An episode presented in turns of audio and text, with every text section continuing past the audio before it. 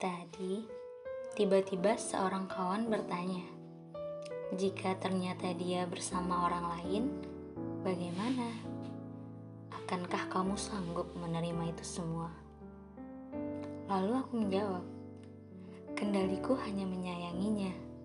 Masalah memiliki itu urusan Tuhan, yang jelas di luar kendali diriku.